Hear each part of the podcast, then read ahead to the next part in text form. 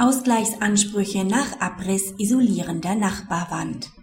Handelt es sich bei einer Mauer zwischen zwei Grundstücken nicht um eine gemeinsame Einrichtung, besteht bei einem Gebäudeabriss kein Anspruch auf Schutzmaßnahmen. In einem dem BGH vorliegenden Fall wird auf dem Nachbargrundstück ein Stall, der an das Gebäude des Klägers angebaut ist, abgerissen. Da der Wetterschutz der Giebelwand nur oberhalb des Daches des Stalls vorhanden ist, muss er auf den Teil, der bisher durch die Scheune geschützt wird, ausgeweitet werden.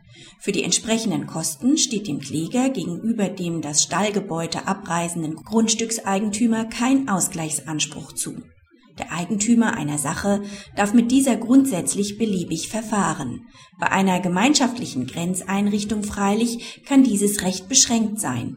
Dann ist, wenn Schutzbedarf vorliegt, ein Ausgleich zu entrichten.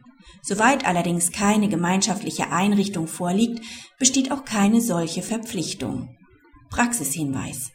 Der Grundstückseigentümer, der sich eine Bebauung des Nachbargrundstücks lediglich zunutze macht, kann nicht darauf vertrauen, dass dieser für ihn vorteilhafte Zustand erhalten bleibt. Anderweitige schuldrechtliche Vereinbarungen sind zwar möglich, helfen in der Praxis aber, weil solche Verträge nicht auf einen Erwerber übergehen, wenig. Sinnvoll sind nur grundbuchliche Sicherungen